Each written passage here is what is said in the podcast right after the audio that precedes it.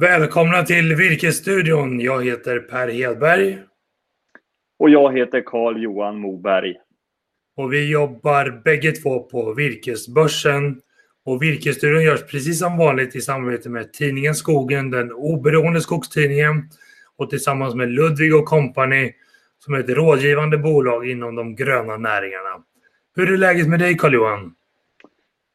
Det är bra. Vi vet ju om att hösten har börjat rulla, rulla in över landet. Regnet är ju, faller ju och det är ju klart, det påverkar ju vår verksamhet, eller skog, den skogliga verksamheten. Det blir blötare i skogen, det blir skitigare på vägarna, så att det är stora möjligheter. Men samtidigt just nu befinner vi oss också i en spännande tid, för det är ju rapporttid. Va? Nu börjar ju bolagen här släppa sina rapporter. Ja, men det stämmer. Vi befinner oss ju mitt i kvartal tre-rapporterna. Och jag, tycker, jag är lite nördigt intresserad, men jag tycker att det är extra intressant att följa det den här gången för att se hur bolagen har återhämtat sig från efter coronakrisen. Nu står vi kanske inför en andra våg, så det är fullt med osäkerheter i omvärlden fortfarande i alla fall. Men det som jag tycker är så intressant, jag ska visa en bild bara här på hur det går för Stora Enso Wood Products och för Setra Group. Och Setra är ett av våra största sågverksföretag i Sverige. Och det är så tydligt att över tid så följer de här varandra ganska väl. Men tittar man på utvecklingen i kvartal 3 då går ju Stora Enso World Products mot någon form av all time high. Deras lönsamhet stiger kraftigt. Medan för Setra så går det neråt. Och det pekar på att vi har en divergerande utveckling av lönsamheten och lönsamheten styr ju betalningsförmågan för virket från skogsägarna. Och det är därför jag menar att det är så viktigt att konkurrensutsätta sitt virke, bjuda ut sitt virke till så många köpare som möjligt för att säkerställa rätt betalt. Och jag tycker det här är jätteintressant att följa.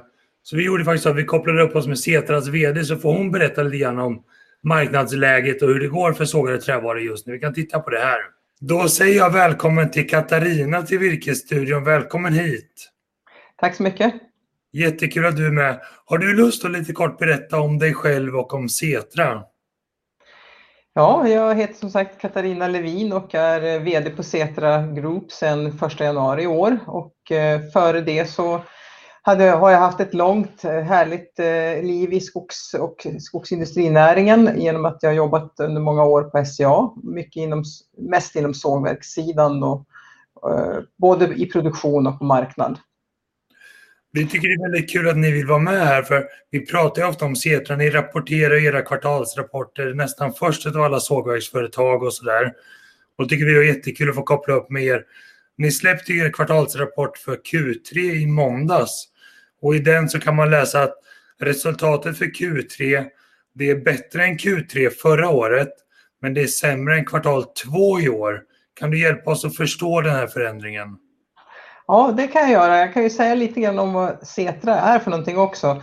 Setra är ju ett av Sveriges största eh, trävaruproducerande företag och vi har sju sågverk samt ett träindustricentra i Långshyttan där vi också då tillverkar KL-trä, limträ och komponenter nu. Och KL-träsatsningen är ju alldeles ny för året. Vi har kört igång under det här året. Vi producerar ungefär 1,7 miljoner kubikmeter på ett år så att det kanske är känt för många men, men ändå ger det en liten ram då. Och vi jobbar ju med eh, att fortsätta också att höja vår förädlingsgrad. Om vi går tillbaka då till kvartalsrapporten så är ju kvartalsrapport, eh, kvartal två var ju ett väldigt speciellt kvartal och eh, det var ju då väldigt coronapräglat inledningsvis men sen tog sig ju marknaden väldigt bra mot slutet. Q3, där har vi ju också sett en fortsatt stärkt marknad, speciellt i Europa och eh, i Skandinavien. Dock har vi alltid en, eh, en mindre produktion i juli och därmed också mindre leveranser. Och eh, trots allt så fick vi ett bättre, blev det ett bättre resultat än i fjol. Men vi, har ju, vi ser ju att både augusti och september är ju betydligt mer positiva än juli månaden. Men det är en svagt kvartal för Setra just av den här låga produktionen på grund av den låga produktionen. Om vi stannar kvar lite grann i den här coronapandemin, för vi har pratat mycket om det i virkesstudion och sådär. Hur har det påverkat er och hur har ni hanterat den här coronakrisen? Ja, efter att ha så att säga, rest oss upp ur den första chocken när vi upplevde det som halva världen stängde ner, nu tror jag alla upplevde det där i april, så hämtades ju väldigt fort faktiskt och eh, framförallt då på hemmamarknaden men också i Asien. Så att det vi gjorde det var ju att försöka jobba så flexibelt och snabbt som möjligt då, genom att eh, jobba med de olika produktmixerna på sågverken så att vi kunde möta då, eh, behoven på de marknader där det var bra konsumtion och dit vi kunde leverera. Och det var ju så vi styrde om det också då under Q2 eh, slut och även då under Q3 har det varit eh, Nordeuropa och Skandinavien som har varit eh, viktade lite tyngre. Vi har pratat mycket i Virkesstudion om den amerikanska marknaden och de förändringar som sker mm. där. Vi hör om en byggboom och en ökad efterfrågan. Och ni nämner lite grann om det i er kvartalsrapport också. Hur viktig är den amerikanska marknaden och hur viktig kommer den vara framgent tror du? Alltså den amerikanska marknaden är ju alltid väldigt viktig. Man, man är ju duktig att bygga i trä, speciellt enfamiljshusen i, i USA är ju mycket trä i och man eh, importerar ju stor del fortfarande, även om man producerar en hel del själv också. Men genom att Kanadas produktion minskar, eh, både på grund av eh, skyddsåtgärder men också på grund av den här bark beetle, art beetle som har skadat väldigt mycket skog så importerar ju USA-marknaden nu väldigt mycket från Europa. Mm. Och med en, en ökande byggnation i USA det gör ju alltid att vi får en bra balans i efterfrågan och utbud i Europa och det, det är ju bra för, för sågverksbranschen i Europa och Skandinavien givetvis. Så USA-marknaden är väldigt viktig och att de bygger i trä det är ju väldigt bra också ur klimatsynpunkt. Så att, eh, det är ju bara fördelar och det kommer att vara viktigt för alla i, i trävarubranschen i, i Sverige men också för, ännu viktigare för oss i framtiden för vi har ju gjort en stor satsning i Hasselfors där vi har byggt en integrerad justerverkshyvel där vi kommer att bland annat att leverera eh, konstruktionsvirke mot USA-marknaden på en lite mer långsiktig basis men även då givetvis mot England och, eller UK och eh, skandinaviska marknaderna. Det är spännande, när vi pratar om den här skadedjursangreppen i Kanada så är väl det kanske en av faktorerna till att Canfor sökte sig till Europa och köpte in sig i Vida. Mm. Vi har också sett att Holmen köper Martinsson. Vi har sett nedläggning av Östavall. Vi har liksom under en kort period sett ganska stora strukturaffärer i sågverkssverige. Hur tror du att de kommer fortsätta, om de kommer göra det? Och kan vi spekulera någonting om vad du tror kring det? Jag tänkte ju säga det, att jag tänkte inte spekulera så mycket, men jag tänker att man kan konstatera i alla fall att det är ju just på grund av den här traditionen av en, en stark, eh, aktiv och hållbart skogsbruk som gör att vi har en väldigt bra bas för att, eh, och licensed operate relativt sett i Sverige.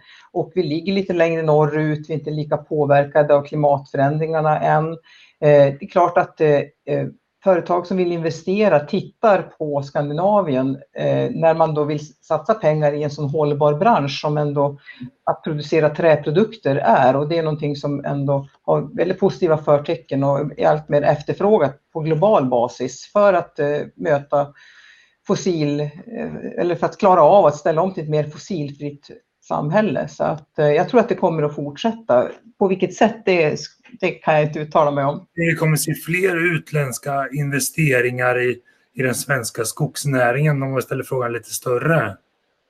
Ja, det tror jag därför att eh, man ser att eh, i Sverige så kan man klara av att balansera de olika målen i skogsbruket och kunna ha ett hållbart skogsbruk. För jag tycker det är så intressant att fundera kring nu under coronakrisen så har så att säga, nedgången för olja har ju accelererat på något sätt och blickarna mot det förnyelsebara har intensifierats. Och då kan man spekulera lite grann kanske om det är så att våra stora oljeländer historiskt de kommer behöva leta sig mot nya råvaror så att vi kanske ser helt nya typer av aktörer letas in mot den svenska skogen. Kanske. Mm.